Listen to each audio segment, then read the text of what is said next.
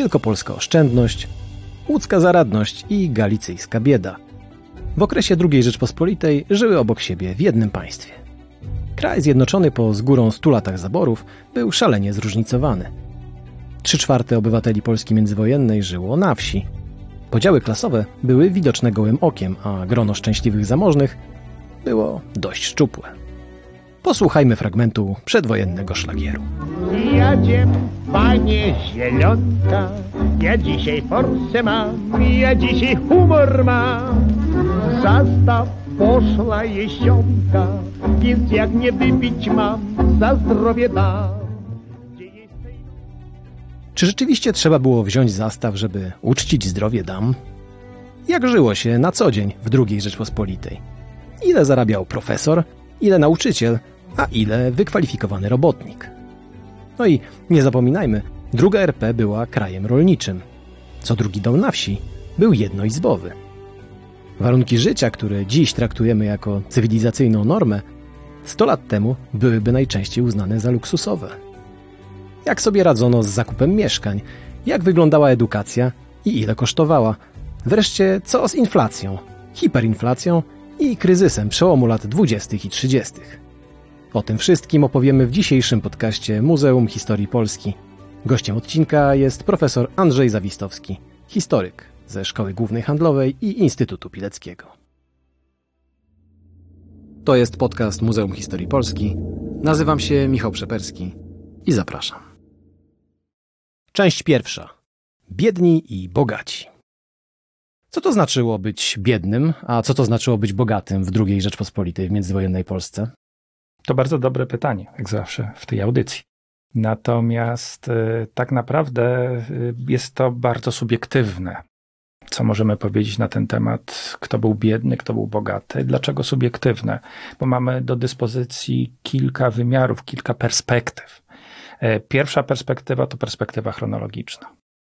To znaczy, inaczej byśmy mówili o biednych i bogatych, a przede wszystkim o kimś, kto zaliczał się do czegoś, co my dzisiaj nazywamy klasą średnią. No bo to, czy społeczeństwo jest bogate czy biedne, tak naprawdę decyduje wielkość czegoś, co my nazywamy dzisiaj klasą średnią. Więc inaczej by to wyglądało, gdybyśmy wzięli perspektywę roku 18-19. Inaczej będzie to perspektywa roku 27-8, a jeszcze inaczej 35-36. Ta perspektywa chronologiczna jest związana z dwiema kwestiami dosyć oczywistymi, to znaczy kształtowanie się granic, to jest naturalne, wojna i tak dalej, no ale również kwestiami związanymi z dziejami ekonomicznymi, a więc inflacja, a przede wszystkim hiperinflacja 23, początku 24 roku. To jest kwestia przede wszystkim zaś wielkiego kryzysu, czyli lat 29, końcówka tak naprawdę 30 do symbolicznie 35 roku, choć tak naprawdę konsekwencje e, wielkiego kryzysu były z Polakami tak naprawdę do kresu II Rzeczpospolitej. I te okresy chronologiczne tak naprawdę dokonywały bardzo często e, przemieszania tych biednych, tych bogatych. Ci bardzo bogaci często stawali się w ich mniemaniu biedni, chociaż oni nie byli tak biedni jak ci najbiedniejsi, a ci biedni stawali się jeszcze bardziej biedni, co wydawało się zupełnie nieprawdopodobne, że można mieć jeszcze mniej. To, to się wydało niemożliwe, a w wielkim kryzysie nawet pojawi nam się coś, co nazywamy podażą głodową, czyli rolnicy sprzedają więcej żywności tylko dlatego, że rezygnują ze spożycia, to znaczy zaczynają głodować, a sprzedają, żeby to sprzedać. Pewnie jeszcze o tym będzie okazja powiedzieć. Więc to jest ten, to ujęcie, e, ujęcie chronologiczne. Natomiast e, co to znaczy być bogatym, co to znaczy być biedny, być biednym w II Rzeczpospolitej, to mamy jeszcze ujęcie terytorialne. Bo przecież druga Rzeczpospolita, to sobie wszyscy zdajemy sprawę, ale uświadommy, to jest państwo 20% większe niż terytorialnie niż mamy Polskę dzisiejszą. Zamieszkałe w końcu, w końcu tego okresu przez około 35 milionów, milionów ludzi. I naprawdę to, jak żyli biedni na Górnym Śląsku, to było nieporównywalne z tym, jak żyli biedni w województwie wołyńskim czy polskim. To były światy zupełnie E, zupełnie nieprawdopodobnie różne. E, gdy w latach 30. pojawiło się takie poselstwo, tacy wysłannicy w Sejmie z województwa poleskiego, to w Warszawie wywołał, wywołali sensację. Otóż pojawili się ludzie odziani w jakieś skóry, w kapciach ze słomy, wyglądali trochę jak ze średniowiecza to w Warszawie wywołało sensację, co by powiedzieć o Górnym Śląsku, który znajdował się już cywilizacyjnie na zupełnie innym miejscu dość rzec. Takie podstawowe elementy, jak chociażby mm, toaleta. Ja już nie mówię o kanalizacji, tylko toaleta. No to przecież premier Sławoj Składkowski jeździł po wschodzie i kazał budować toalety na pamiątkę tego Sławojka do dzisiaj przecież funkcjonuje. No ale on to robił dlatego, że ludzie nie dość, nie mieli wody bieżącej czy, czy, czy kanalizacji, no bo to jesteśmy w stanie jeszcze sobie wyobrazić, ale nawet takie podstawowe, podstawowe narzędzie codziennego funkcjonowania jak toaleta, nawet zbudowana z desek gdzieś na podwórzu, nie występowało.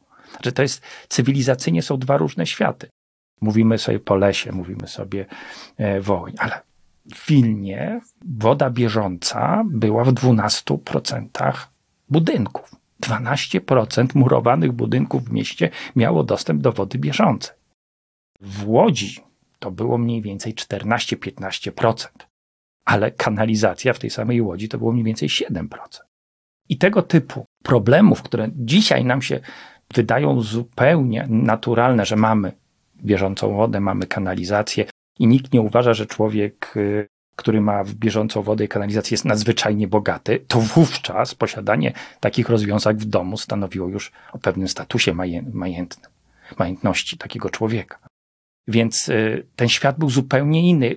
Pewnie takich przykładów byśmy mo mogli dużo więcej podawać, ale oczywiście pewnie najbardziej y, trafiają do mm, wyobraźni konkretne liczby tak naprawdę wówczas y, rodzin, bo już nie powiem o ludziach, no bo to trudno powiedzieć, czasami było, czy to jedna osoba, czy cała rodzina ma takie dochody, ale gdzieś tam na, y, w latach dwudziestych, już po reformie Grabskiego, takich rodzin, które zarabiały powyżej, miały dochody, zarabiały, miały dochody powyżej 100 tysięcy złotych rocznie, było około 900 w całym kraju.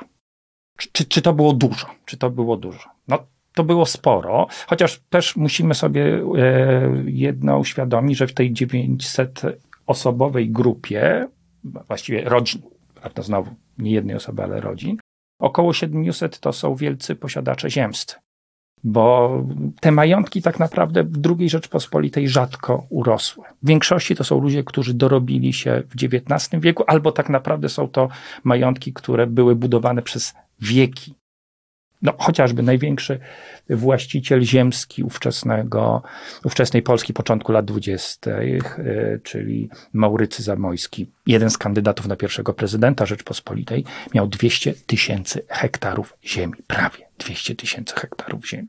W tej, tej 500, tak sobie kiedyś e, sprawdziłem, ta 500 tych największych właścicieli e, ziemskich w II Rzeczpospolitej, to oczywiście Zamojski był na pierwszym miejscu, Karol Radziwiłł już miał mniej, bo miał 154 tysiące, Jarosław Potocki 135 tysięcy hektarów ziemi, a ostatni na tej liście był Zygmunt Kosiński, miał około niecałe 3 tysiące hektarów ziemi. To byli wielcy posiadacze ziemscy, którzy, którzy no, ten majątek mieli w ziemi, prawda? To byli przedsiębiorcami również, bo przecież ten majątek to były i pola, i lasy przede wszystkim, to było niezwykle cenne.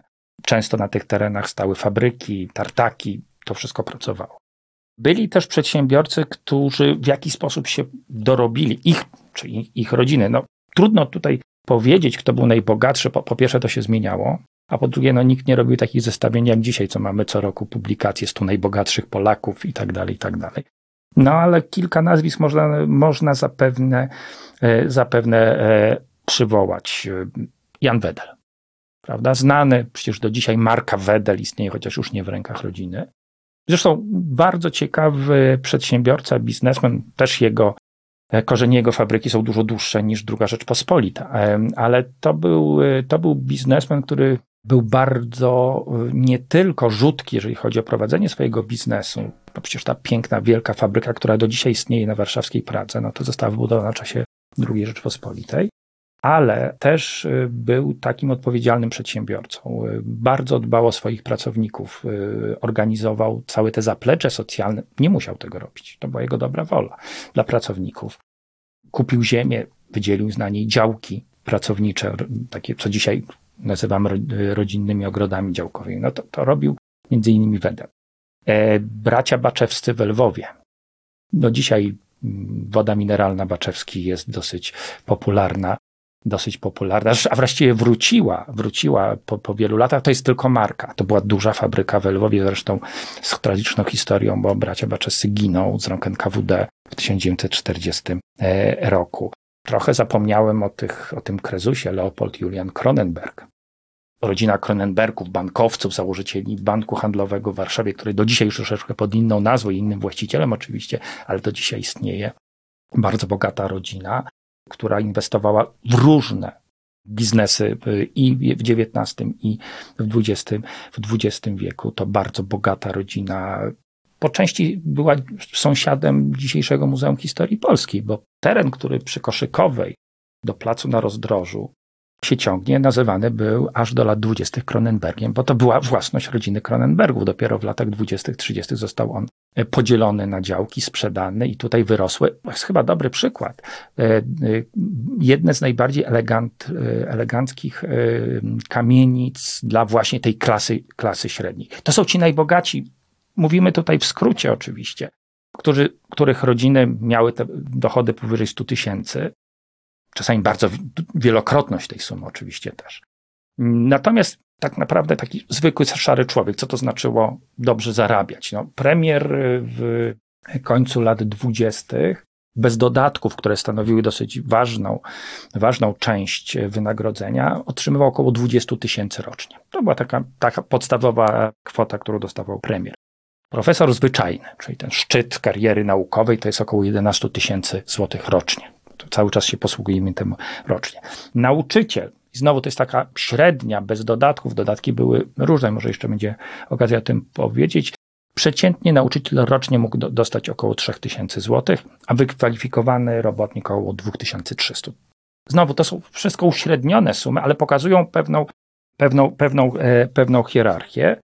I jeżeli ja miałbym odpowiedzieć, e, chociaż jeszcze za chwilę wrócimy do tego tematu, myślę, jakbyśmy nazwali klasę średnią w II Rzeczypospolitej, to ja zawsze mówię, że klasa średnia w dużym cudzysłowie to są ci, wówczas, wówczas to są ci, którzy mają po pierwsze pracę i którzy nie muszą ograniczać spożycia, nie muszą oszczędzać na jedzeniu, nie muszą oszczędzać na opiece medycznej, są w miarę bezpieczni socjalnie. Oczywiście oni nie muszą mieć nawet własnego mieszkania, oni nie muszą, oczywiście nie mają samochodu najczęściej, chociaż ta wyższa klasa średnia pewnie już tak, ale tak generalnie to są ci, którzy są e, bezpieczni, bezpieczni ekonomicznie i to są przede wszystkim ludzie pracujący dla państwa. Nauczyciele, urzędnicy, wojskowi, policja. Zaraz będzie okazja może jeszcze o tym powiedzieć.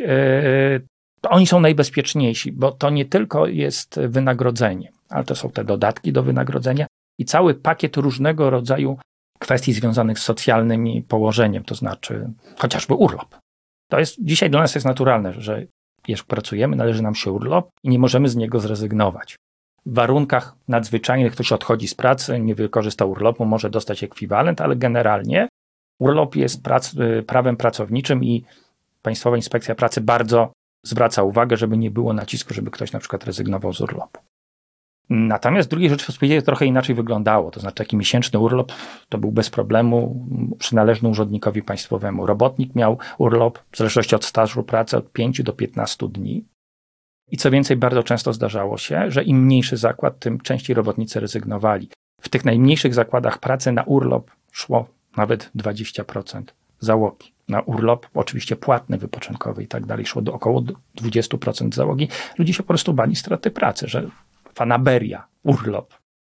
To jest coś, co może później doprowadzić do ich, do ich, do ich, do ich zwolnienia. Ja już nie, nie będę mówił o takich rzeczach y, szerzej, ale za, tylko je zaznaczę, jak na przykład to, że bycie pracownikiem kolei to był jeden z najbardziej intratnych, powszechnie intratnych, nie w jednym miejscu, tylko w całej Polsce intratnych stanowisk. To było nie tylko, e, nie tylko wynagrodzenie, ale różnego rodzaju deputaty, służba zdrowia, kolejowa i tak dalej, tak przedszkole dla dzieci i wiele innych rzeczy. To nie był zresztą polski przypadek. Żeby zostać urzędnikiem na kolei, trzeba było spełniać wiele warunków, ale na przykład y, były to warunki, które wykluczały na przykład mniejszości narodowe bardzo często. Chcesz być kolejarzem, chcesz być w tej elicie, proszę bardzo, twoje dziecko nie pójdzie do szkoły z ukraińskim językiem, tylko pójdzie z polskim. I to nie jest żaden przypadek polski. Na Zaolziu dokładnie tak y, Czesi postępowali w stosunku do Polaków. Polak miał prawo pójść do pracy w tym dużym przecież węźle kolejowym, który się znajdował na Zaolziu, pod warunkiem, że jego dziecko szło do szkoły z czeskim, a nie z polskim językiem nauczania. No bo to była tak atrakcyjna praca, tak, tak, tak warta zauważenia. I oczywiście to wszystko będzie mm, zmieniał wielki kryzys. Bo wielki kryzys to jest olbrzymi problem e, przede wszystkim kryzysu nadprodukcji. Znaczy mamy za dużo produkcji, ceny spadają, zaczyna się bezrobocie. No i oczywiście bezrobocie powoduje, że spadek mm, pensji robotników, zwłaszcza robotników, ale nie tylko. No i oczywiście ten rynek jest dużo mniejszy. Ale to pewnie jeszcze będzie można o tym, e, o tym szerzej powiedzieć.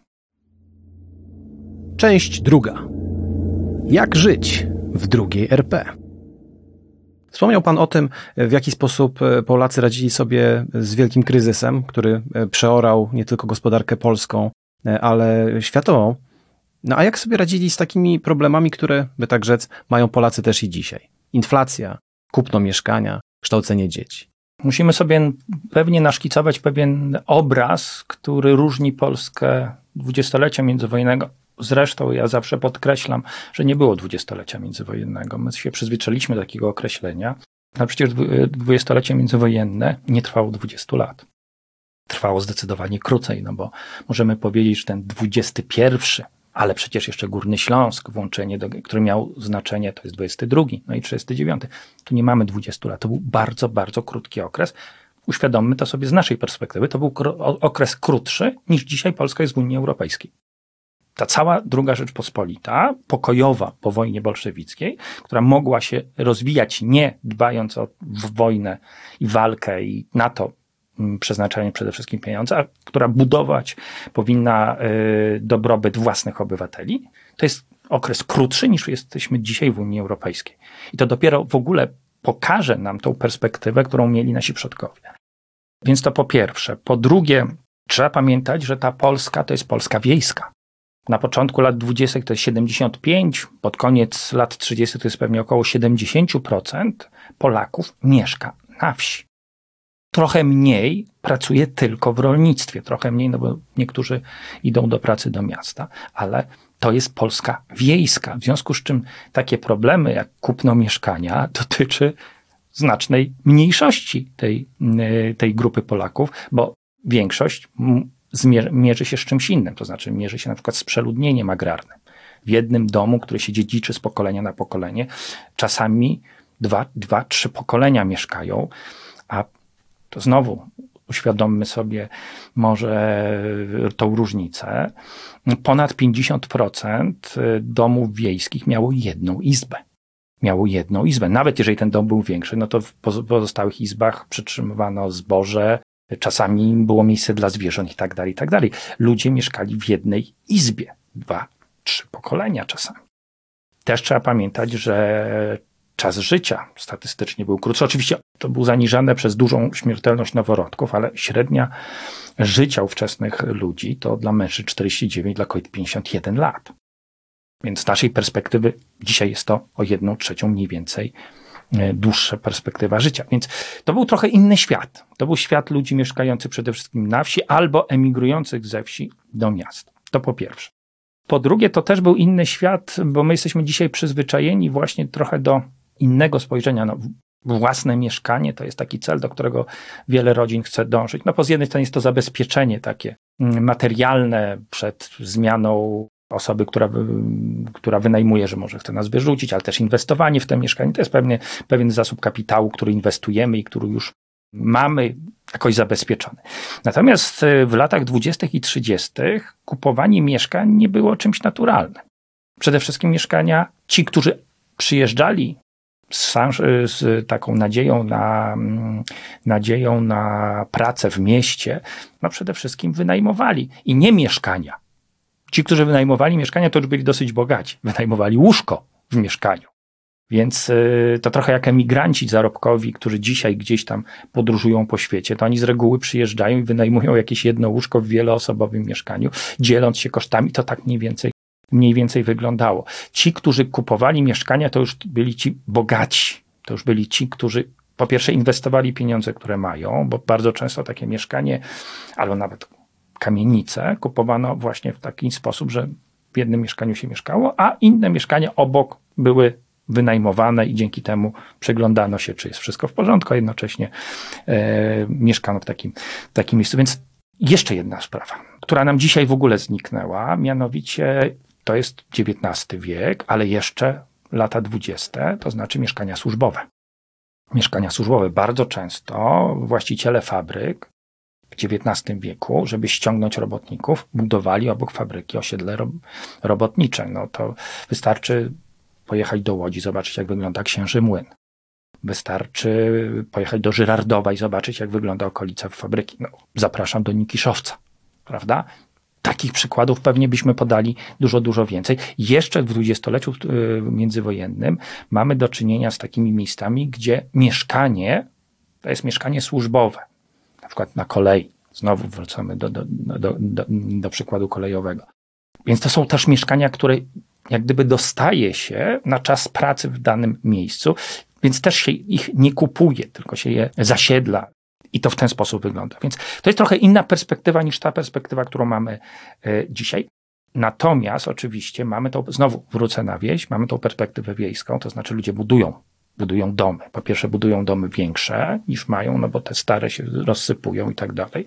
Po pierwsze budują domy, domy większe, po drugie przecież duża część Polaków zmienia miejsce zamieszkania z różnych powodów, bo na przykład przyjeżdżają do Polski z krajów, które dawniej były krajami zaborczymi, emigrują ze Związku Sowieckiego, czyli jeszcze z Rosji bolszewickiej, wcześniej ze Związku Sowieckiego przyjeżdżają. Przyjeżdżają też z Zachodu, to jest trochę zapominane, ale przecież część Polaków po I wojnie światowej postanowiła porzucić Stany Zjednoczone, wrócić do tej Polski, która się odrodziła. Wielu z nich wymieniło dolary na marki polskie, później to wszystko stracili w wyniku hiperinflacji, ale Francja, Stany Zjednoczone, Kanada, stamtąd też był napływ ludzi. I oni z reguły jednak przyjeżdżają na wieś. Oni albo kupują, albo dostają od państwa na różnych zasadach, bo to też jest dosyć ciekawy, ciekawy wątek. E, ziemię, bardzo często na wschodzie, chociażby osadnicy wojskowi na Wołyniu, którzy, którzy później bardzo często padną ofiarami zbrodni wołyńskiej, czy ich rodziny.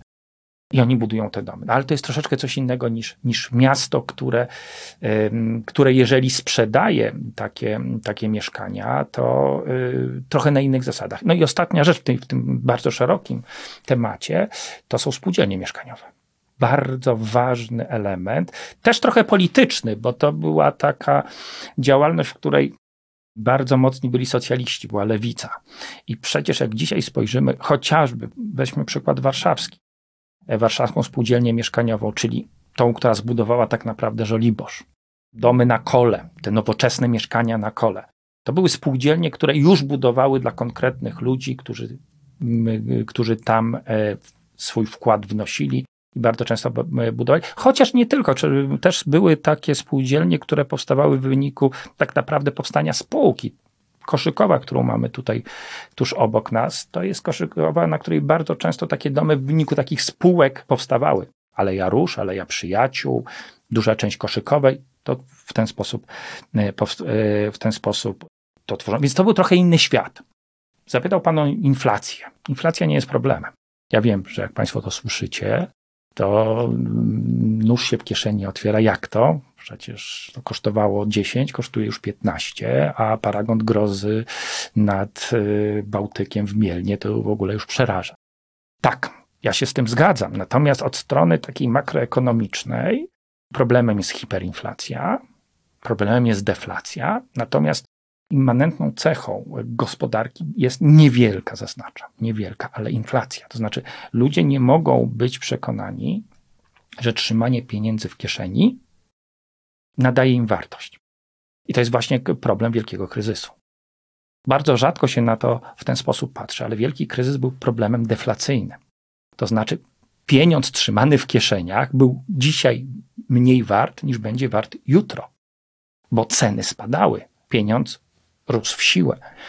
Więc ludzie od, odwlekali wszelkie zakupy, no bo po co coś kupować, skoro ten pieniądz tam rośnie, e, rośnie w siłę. Niewielka inflacja tak naprawdę napędza gospodarkę. Jest taki model, nazywa się krzywa Philipsa, który pokazuje, jak w, oczywiście krótkookresowo można kupić niższe bezrobocie za wyższą inflację. No bo ludzie się pozbywają pieniędzy, wydają, bo one tracą na wartości, w związku z czym tworzą miejsca pracy w ten sposób, mówiąc już w dużym, w dużym skrócie. Polacy mieli problem nie tyle z inflacją, która oczywiście była mm, i tak naprawdę, jeżeli ktoś miał jakieś pieniądze, to realnie je traci. Natomiast problem jest hiper, była hiperinflacja, która się pojawiła po wojnie polsko-bolszewickiej 22, 23 przede wszystkim 20, 24, bo hiperinflacja zabija rynek. To znaczy, jeżeli ja wyprodukuję rower, ja go sprzedam, to ja na nim stracę. No po te pieniądze prawda, już będą mniej warte, już za pieniądze, które sprzedałem dzisiaj rower, jutro roweru nie kupię. Tak? W związku z czym po co to produkować? Znaczy, opłaca się nie produkować, prawda? Więc zabija to handel, oczywiście zabija to kredyt, który jest przecież istotny dla funkcjonowania gospodarki. No i to, to, to był problem. E, natomiast jeżeli Polacy mieli z czymś problem w latach już po reformie Grabskiego, stabilizacyjnej, po pojawieniu się złotego i tak dalej, to właśnie była raczej deflacja, ta z dużego, z, przepraszam, z dużego, z wielkiego kryzysu, która funkcjonowała. Przedszkola, znowu to jest takie pytanie, że wszyscy młodzi e, rodzice się zastanawiają dzisiaj, gdzie dziecko posłać do przedszkola. To znowu był zupełnie inny problem. Po pierwsze, znowu wieś.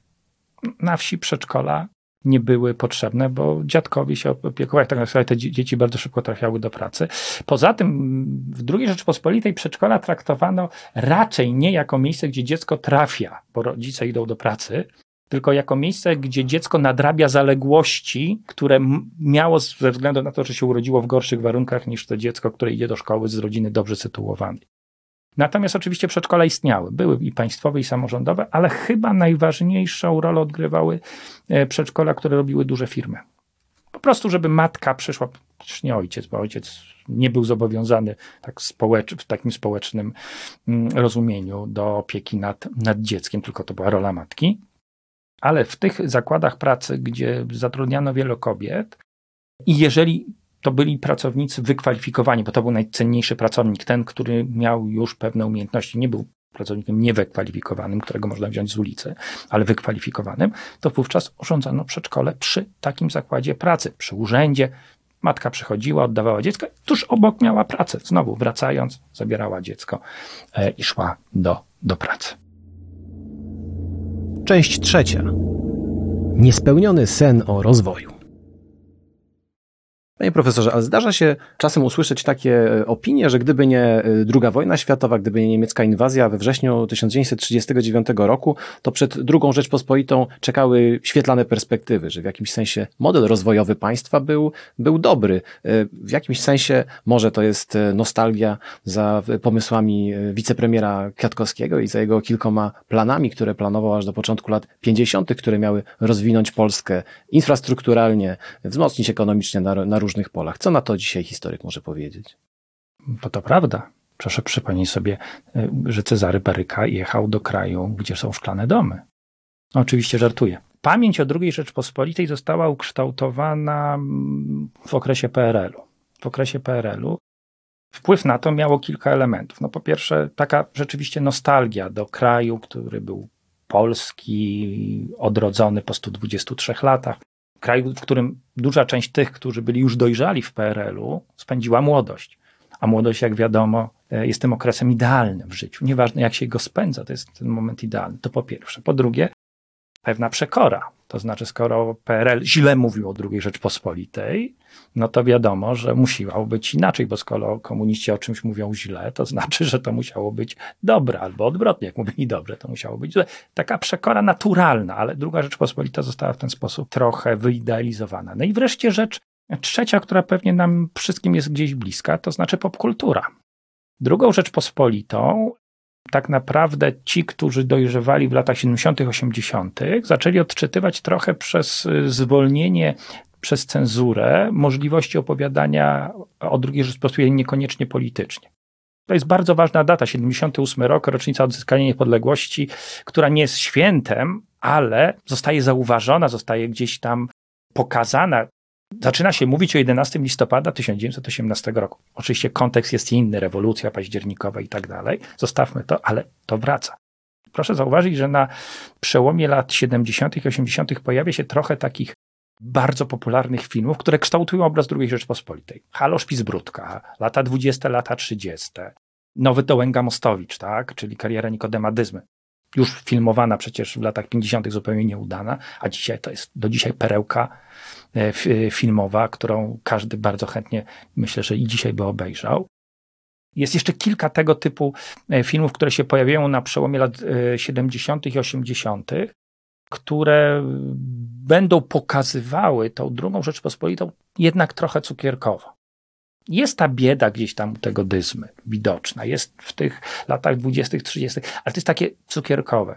Rewia, piękne samochody, kobiety w pięknych futrach, panowie w cylindrach i frakach i tak dalej. Znaczy, to jest druga Rzeczpospolita, która gdzieś nam została pokazana w sposób atrakcyjny i gdzieś weszła nam do głowy. I dlatego bardzo dużą niechęcią ludzie będą przyjmowali negatywne opinie o II Rzeczpospolitej, a II Rzeczpospolita była jednak krajem biednym. Była jednak krajem ludzi, którzy w większości jednak yy, nie byli bogaci. Boję się użyć słowo biedny, bo dzisiaj to się kojarzy z kimś, kto, nie wiem, żebrze na ulicy, nie ma y, co ugotować na obiad. Może nie do końca, ale ludzi, którzy żyli w warunkach, które dzisiaj, z naszej dzisiejszej perspektywy, określilibyśmy jako, jako bardzo złe.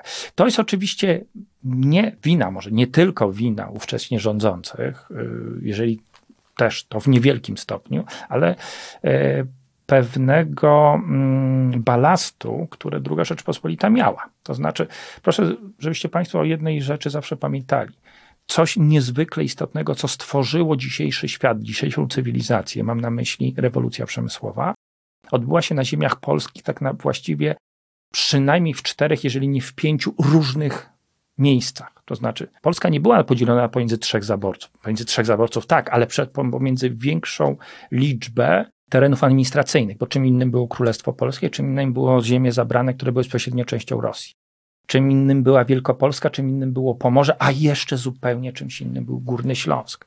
Czymś innym była Galicja, koło Krakowa, czy koło nawet Lwowa, a czym innym był Śląsk Cieszyński, ta część, która przypadła Polsce i tak dalej, i tak dalej. Moglibyśmy to mnożyć. To nie tylko był inny poziom zamożności, ale inne zaplecze socjalne, e, inne prawo.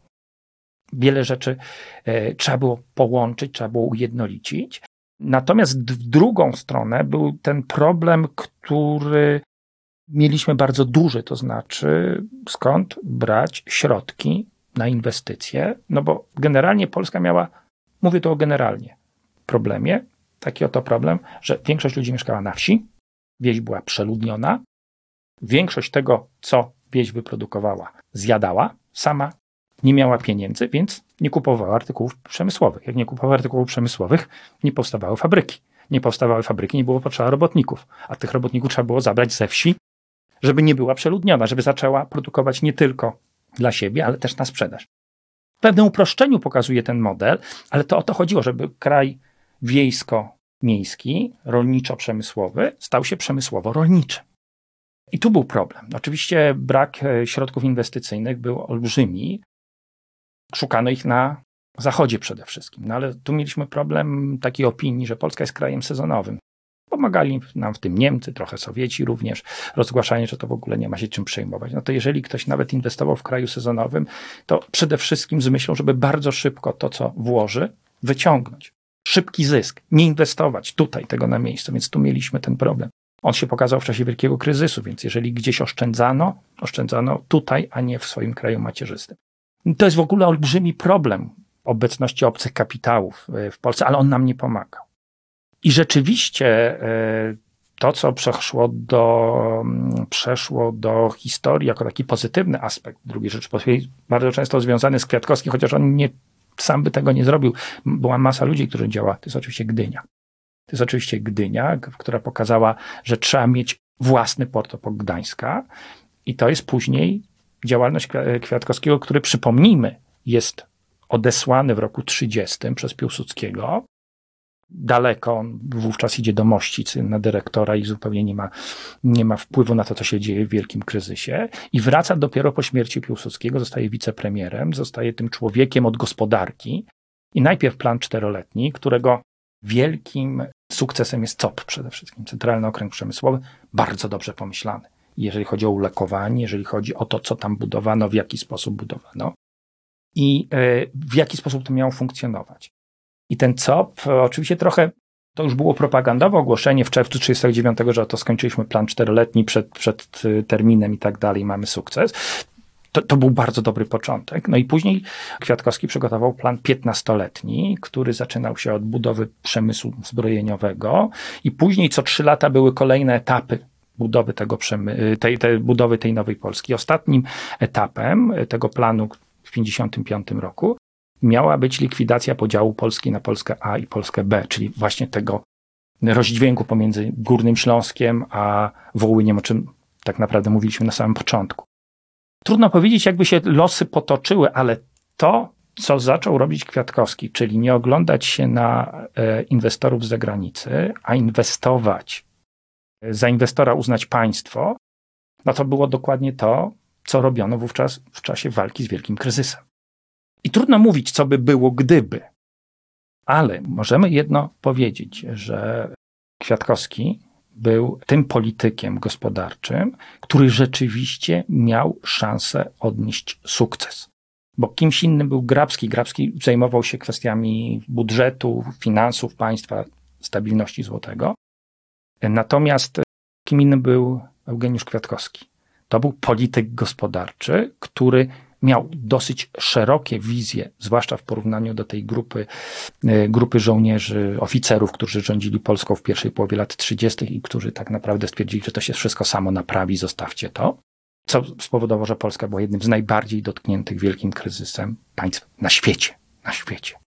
Być może byłby to sukces. Trudno powiedzieć, co by było, gdyby. Natomiast myślę, że na koniec warto jeszcze raz sobie uświadomić, jak mało czasu mieli nasi przodkowie w czasie II Rzeczpospolitej.